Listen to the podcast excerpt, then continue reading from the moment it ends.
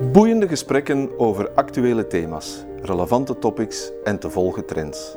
Welkom op de Vlaio podcast waar ondernemers en hun netwerk een stem krijgen, hun plannen vorm en hun ambities een klankbord.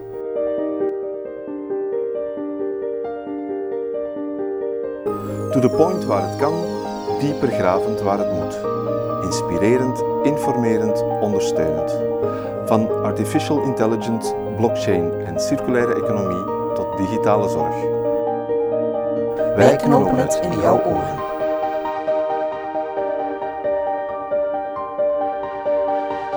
Dag beste luisteraar en welkom bij alweer een nieuwe Vlaio Boekenwijzer.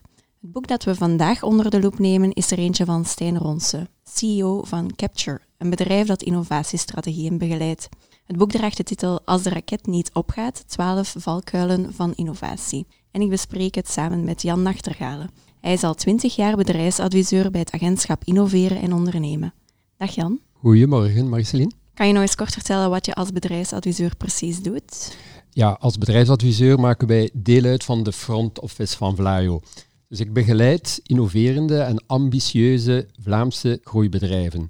Ja, via doorverwijzing brengen wij dan die bedrijven in contact met andere bedrijven, met kennisinstellingen, met onderzoekscentra. En dit in het kader van een innovatieproject of een groeitraject. En natuurlijk begeleid ik die bedrijven dan ook graag eh, door naar Vlaio voor mogelijke financiële steun bij hun projecten. Oké, dank u. Jan, als we eens kijken naar de titel van het boek, De twaalf valkuilen van innovatie, dan zou je durven denken dat dit boek innovatie negatief benadert. Is dat ook zo? Ja, je zou dat kunnen denken, maar het boek is eigenlijk opgedeeld in twaalf hoofdstukken. En elk hoofdstuk behandelt een valkuil, maar Stijn, de auteur, die ziet elke valkuil eerder als een stap die moet gezet worden door de onderneming in het kader van een innovatietraject. Dus je zou dat eigenlijk kunnen zien als een opportuniteit om succesvol te, kun, uh, te kunnen innoveren. Die weg die moet afgelegd worden, dat is niet altijd één rechte lijn. Uh, dat is een, een foutbeeld die een beetje uh, de titel van het boek ook schetst. Hè? Dus als de raket niet, niet opgaat. Innoveren, dat, dat gaat met ups en met downs. Bedrijven die moeten een parcours ondergaan in het kader van hun innovatieproces. En daar zullen natuurlijk ook wel valkuilen zijn, maar die kun je dan beter zien als een, een opportuniteit.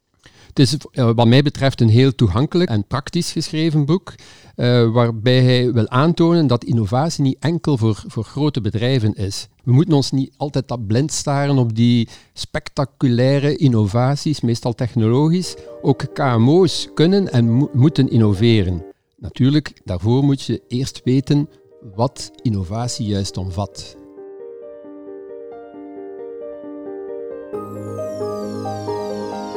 En dat is meteen de eerste valkuil. Vaak is het niet duidelijk wat innovatie juist is en denk je meteen aan allerlei revolutionaire zaken, want het zijn net die dingen, die innovaties, die de media halen. Daardoor kan je als kleine KMO al snel het idee hebben dat innovatie niet aan jou besteed is. Ja, dat is inderdaad een fout beeld. Hè. Dus innovatie kan namelijk veel vormen aannemen. Er zijn ook kleinere en betaalbare innovaties die ook veel impact kunnen hebben. Hè.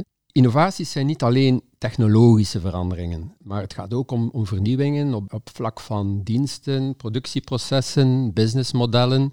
Eigenlijk moet je als ondernemer, of je nu KMO bent of, of, of niet, steeds op zoek gaan naar oplossingen voor problemen of opportuniteiten in de markt. En via vernieuwingen constant proberen inspelen op wensen en noden van verschillende marktsegmenten.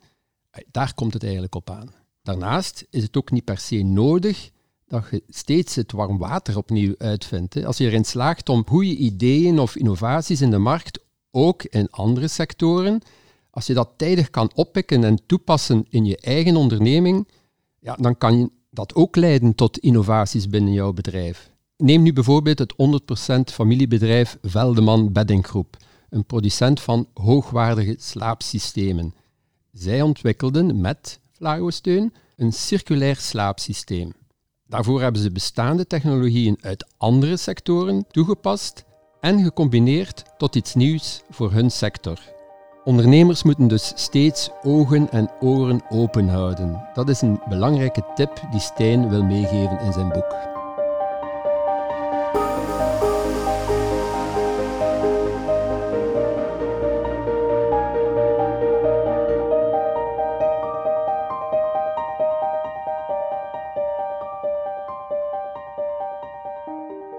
Belang van innovatie kan je nooit genoeg benadrukken, zegt Stijn. Zeker in tijden waarin alles lijkt te versnellen en onzekerder is dan ooit. Vind jij dat ook, Jan? En waarom moeten we eigenlijk innoveren? We leven in een tijd waarin verschillende evoluties steeds sneller zich opvolgen. Ik denk aan maatschappelijke, technologische en economische evoluties. Bedrijfsleiders of managers mogen nu zeker niet bij de pakken blijven zitten en moeten blijven inzetten op innovatie.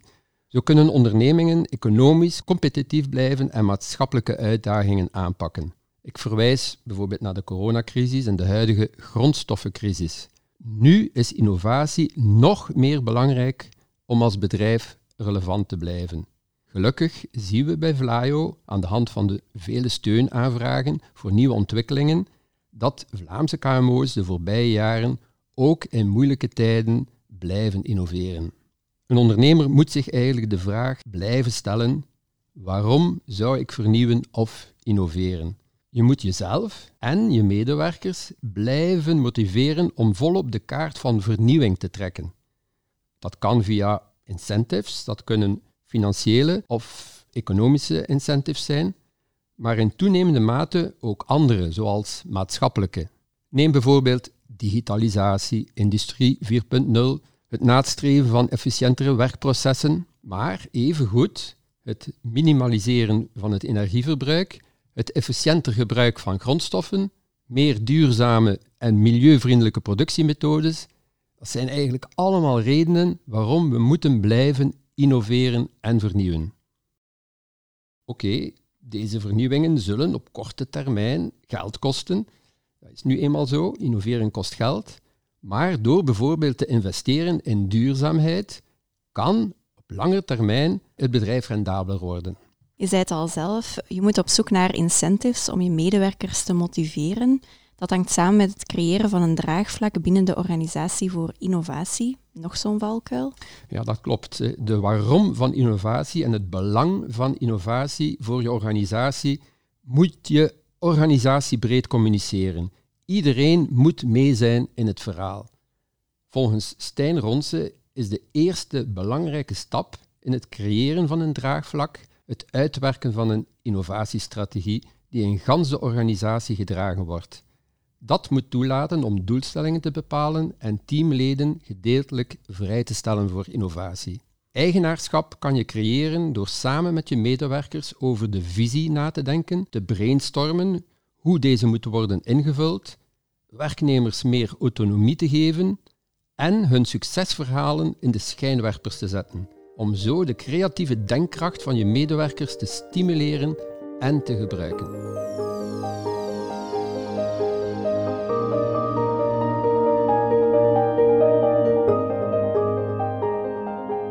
Zonder draagvlak dus geen innovatie. Merk je dat dan ook in de praktijk, dat bedrijven dit over het hoofd zien?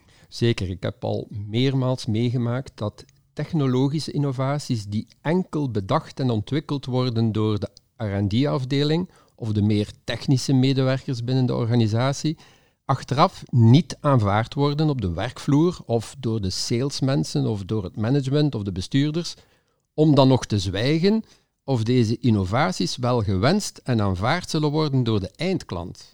Door dus de verschillende afdelingen te betrekken, maar ook de visie van de klant, kan je het noodzakelijke draagvlak creëren. Een innovatieteam is dus meer dan enkel een RD-afdeling of de job van een ingenieur. Daarbij, een KMO heeft meestal geen onderzoeksafdeling of geen labo, maar toch worden KMO's toch ook geacht te innoveren om te overleven. Je haalde het in het begin al aan, de metafoor met de raket. De raket die in realiteit eigenlijk na lancering soms ook meteen weer neerstort. Iets dat kan gebeuren als je dus bijvoorbeeld geen draagvlak hebt in de organisatie. Maar er zijn nog wel wat hordes te nemen. Het is zo, het innovatieveld ligt bezaaid met valkuilen. Hè, en waardoor zaken soms moeilijker verlopen of zelfs helemaal niet tot stand komen. Er wordt vaak verwezen naar de Valley of Death. Dat begrip duidt op de moeilijkheid om van een innovatief idee over te gaan naar een werkbaar en marktklaar concept. Het vermarkten en valoriseren van de innovatie, samen met de aandacht voor maatschappelijk verantwoord ondernemen, Dat is cruciaal voor echte waardecreatie. Stijn maakt in zijn boek een beetje de vergelijking met een, met een boemeltrein. Een innovatietraject kan in het begin ook met moeite in beweging gebracht worden. Het traject zal soms accelereren, maar even vaak vertragen. Het belangrijkste is echter dat de trein, dus het innovatietraject, dat dat blijft bewegen. En hoe zorg je er dan voor dat die trein blijft bewegen? Ik denk dat het belangrijkste wat je als bedrijf kan doen, is innovatie structureel inbedden in je organisatie. Dit komt ook meermaals terug in het boek van Stijn.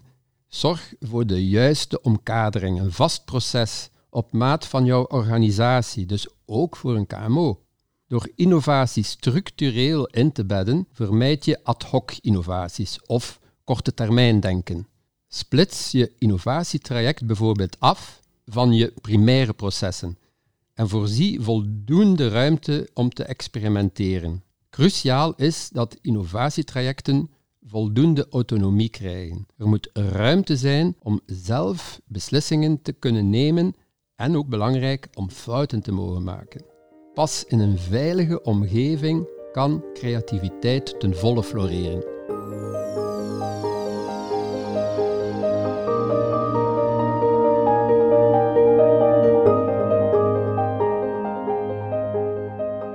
De samenstelling van het team is ook iets waar jij als bedrijfsadviseur belang aan hecht in jouw begeleidingen en in de business case analyse. Kan je daar nog iets eh, meer over vertellen? Hoe ziet een goed team eruit? In ideale geval vereist innoveren verschillende profielen. Ik denk aan, aan dromers, denkers, doeners, strategen, creatievelingen, netwerkbouwers, procesmanagers. Maar natuurlijk, ja, specialisten in alles, dat bestaat niet. Dus heb je nood aan mensen met een brede kijk die kunnen aanduiden waar de expertise van een specialist moet worden ingezet. De business case van de innovatie, of met andere woorden het ondernemingsplan, wordt steeds belangrijker om tot succesvolle innovatie te komen. Dus naast technologische functies moeten dus evengoed management, marketing en salesfuncties betrokken worden in het innovatieproces. Maar innovatie komt niet alleen tot stand door de kennis van mensen binnen je organisatie. Als bedrijf is het ook belangrijk om rondom jou te kijken. Je moet niet alles zelf doen en je moet niet het warm water opnieuw uitvinden. Zoals het voorbeeld van Veldeman dat je al eerder aanhaalde. Ja, dat klopt. Goed innoveren betekent ook op zoek gaan naar, naar efficiëntie. Dat kan niet door alles zelf te doen, maar wel nagaan waar de expertise aanwezig is en deze dan te gebruiken. Er wordt in dat kader ook veel verwezen naar open innovatie en het inspelen op het innovatie-ecosysteem. Dat zijn eigenlijk alle actoren en factoren die impact kunnen hebben op je innovatietraject. Een mogelijk resultaat is een samenwerking tussen bedrijven, overheden en kennis- en onderzoeksinstellingen, wat ook de triplex helix genoemd wordt. Een mooi voorbeeld die ik daar kan rondgeven is de recente Vlaio-steunmaatregel Living Labs Circulaire Economie, waarbij er consortia samengesteld worden van overheden, bijvoorbeeld gemeenten, kennisinstellingen zoals universiteiten, onderzoekscentra. Voor de bouw is dat bijvoorbeeld het WTCB. Ook belangenverenigingen, zoals bijvoorbeeld de Confederatie Bouw. En natuurlijk ook bedrijven. Zo'n consortium dient dan samen één dossier in bij Vlaio tot het verkrijgen van steun voor hun innovatief project. In dit geval nu ging dat dan rond circulaire bouw en maakindustrie. Dat consortium zal er dan ook nadien voor zorgen dat de verworven kennis verspreid wordt binnen de sector. Ja, inderdaad. In de circulaire economie, maar ook in de bio-economie zien we dit heel sterk. Die samenwerking en het bouwen van ecosystemen. Zeker. Ecosystemen zijn ook nodig om samen te bouwen aan schaalgrootte. Om een voorbeeld te geven in de bio-economie, nieuwe teelten. Neemt nu bijvoorbeeld hennep. Die dienen door verschillende landbouwers samengeteeld te worden. Enkel op deze manier kunnen de nieuwe biomassa-grondstoffen een afzetmarkt vinden. Ander voorbeeld, nevenstromen binnen bedrijven zijn vaak ook kleinere stromen ten opzichte van de primaire stromen die worden geproduceerd. Om deze kleinere stromen ook economisch rendabel te kunnen valoriseren, moet je dus in vele gevallen samenwerken met andere bedrijven.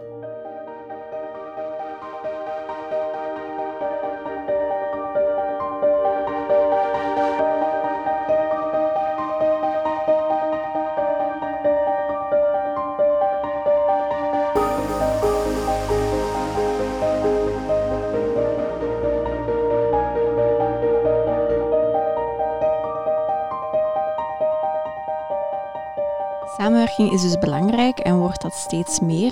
Je moet dan ook een goed zicht krijgen op wat je best zelf kan doen en waar het een meerwaarde is om met anderen samen te werken. Ja, er is een duidelijke verschuiving van alleen innoveren naar samen innoveren en van gesloten naar meer open innovatie.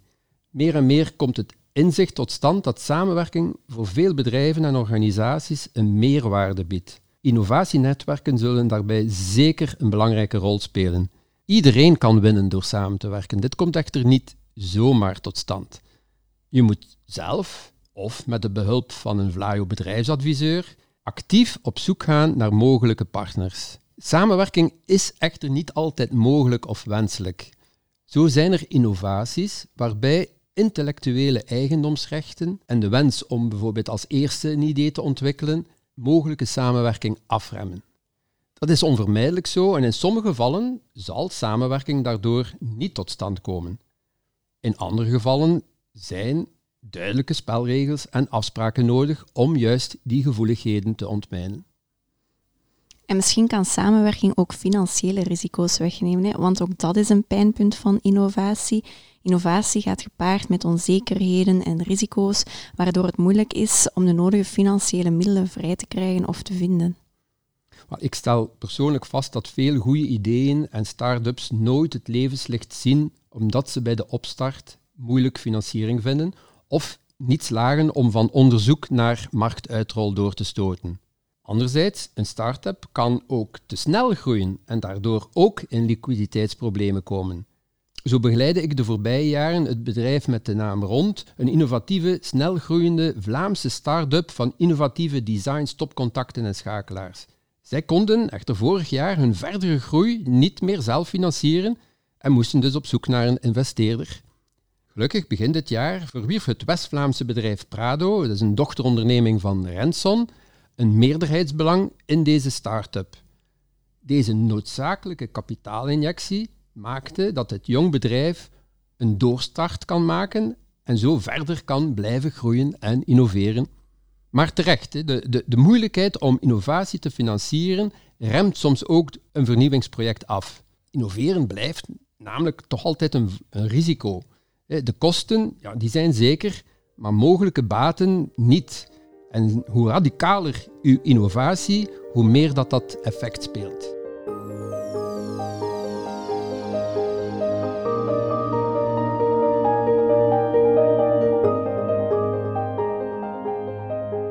Hoe kunnen start-ups dan die financieringsproblemen oplossen? Er zijn verschillende mogelijkheden om innovatietrajecten te financieren, afhankelijk van onder meer het risicogehalte, de sector waarin je actief bent, het type innovatie. Maar het is belangrijk dat je als ondernemer voldoende inzicht krijgt in de verschillende financieringsmogelijkheden. Wij hebben binnen Vlaio ook bedrijfsadviseurs die bedrijven helpen met het vinden van de juiste financieringsmix. Het is ook vaak een illusie dat één financieringsbron het gehele innovatiegebeuren zal financieren. Startende bedrijven zullen bijvoorbeeld vaak aangewezen zijn tot een financieringsmix, een combinatie van eigen vermogen, familiebijdragen zoals een win-win lening, andere leningen, uh, investeerders, bijvoorbeeld business angels. Eigenlijk het samenspel van al deze verschillende types financieringskanalen zorgt er uiteindelijk voor dat een jong bedrijf helemaal kan doorstoten naar de markt. Maar ook de overheid kan een rol spelen. Onderzoek en ontwikkeling kan gedeeltelijk gefinancierd worden met publieke middelen, zoals Flyo-steun onder de vorm van een haalbaarheidsstudie of een ontwikkelingsproject. Ook hier kan ik of mijn collega's bedrijfsadviseurs bedrijven helpen om door het bos van alle soorten steunmaatregelen deze te vinden die op jouw bedrijf of op jouw innovatie van toepassing is. Mhm, oké Jan. Uh, we hebben nu al heel wat valkuilen besproken en jij hebt er waarschijnlijk al een heel deel in de praktijk de revue zien passeren. De auteur zelf die hecht veel belang aan de rol van menselijk kapitaal in het hele systeem. Wat is voor jou de belangrijkste valkuil? Volgens mij zijn de beste innovaties deze die ontstaan uit wensen en noden in de markt. Met andere woorden, die een oplossing bieden voor een probleem waarmee de klant worstelt of een behoefte die aanwezig is in de markt. maar. Duidelijk een maar. Het is echter niet voldoende dat er een gat is in de markt. Er moet namelijk ook een markt zijn in dat gat. Of met andere woorden, de business case of het businessplan rond deze innovatie moet aantonen dat de innovatie rendabel kan gecommercialiseerd worden. Dat is iets waar ondernemers zich soms aan mispakken. Bij de start van het innovatietraject en de opmaak van het businessplan rekenen ze zich rijk. Hè, om later dan bijvoorbeeld in te zien dat de concurrentie ook niet stilstaat en ook ondertussen met nieuwe ontwikkelingen op de markt zijn gekomen. Een goede tip. Ik heb nog een laatste vraag voor jou. Stijn die bespreekt twaalf valkuilen. Ontbreekt er nog in volgens jou? Wat volgens mij niet genoeg kan benadrukt worden, is het belang van intellectuele eigendom, zoals patenten, octrooien, merken en modellen. Sommige ondernemers vergeten om eerst te kijken of hun innovatief idee niet reeds gepatenteerd is. Anderzijds zijn er ondernemers die het niet nuttig of, of te duur vinden om een patent of octrooi te nemen op hun innovatie. Wij als Flyo bedrijfsadviseur kunnen bedrijven begeleiden en nagaan of de kosten die verbonden zijn aan het beschermen van intellectuele eigendom opwegen tegen de baten en ook welke fiscale voordelen eraan verbonden zijn. Ik wil hier graag ook verwijzen naar de Vlaio-website, waar een volledig uitgewerkt dossier staat rond intellectuele eigendom. Ook het digitaal platform van de FOD-economie, createprotectbenefit.be, geeft een opsomming van alle voordelen van intellectuele eigendom, zoals bijvoorbeeld octrooien. Mhm, Dat is inderdaad nog een belangrijk punt om mee te nemen. Ik denk dat we kunnen concluderen dat alle valkuilen wel een beetje aan elkaar hangen. Zorg voor een goede omkadering, dat motiveert je medewerkers om te blijven. Op die manier hou je kennis in huis en blijft de innovatiemolen in beweging. En als je aan één van de twaalf elementen niet voldoende aandacht besteedt, hypothekeer je de kansen op succesvolle innovatie.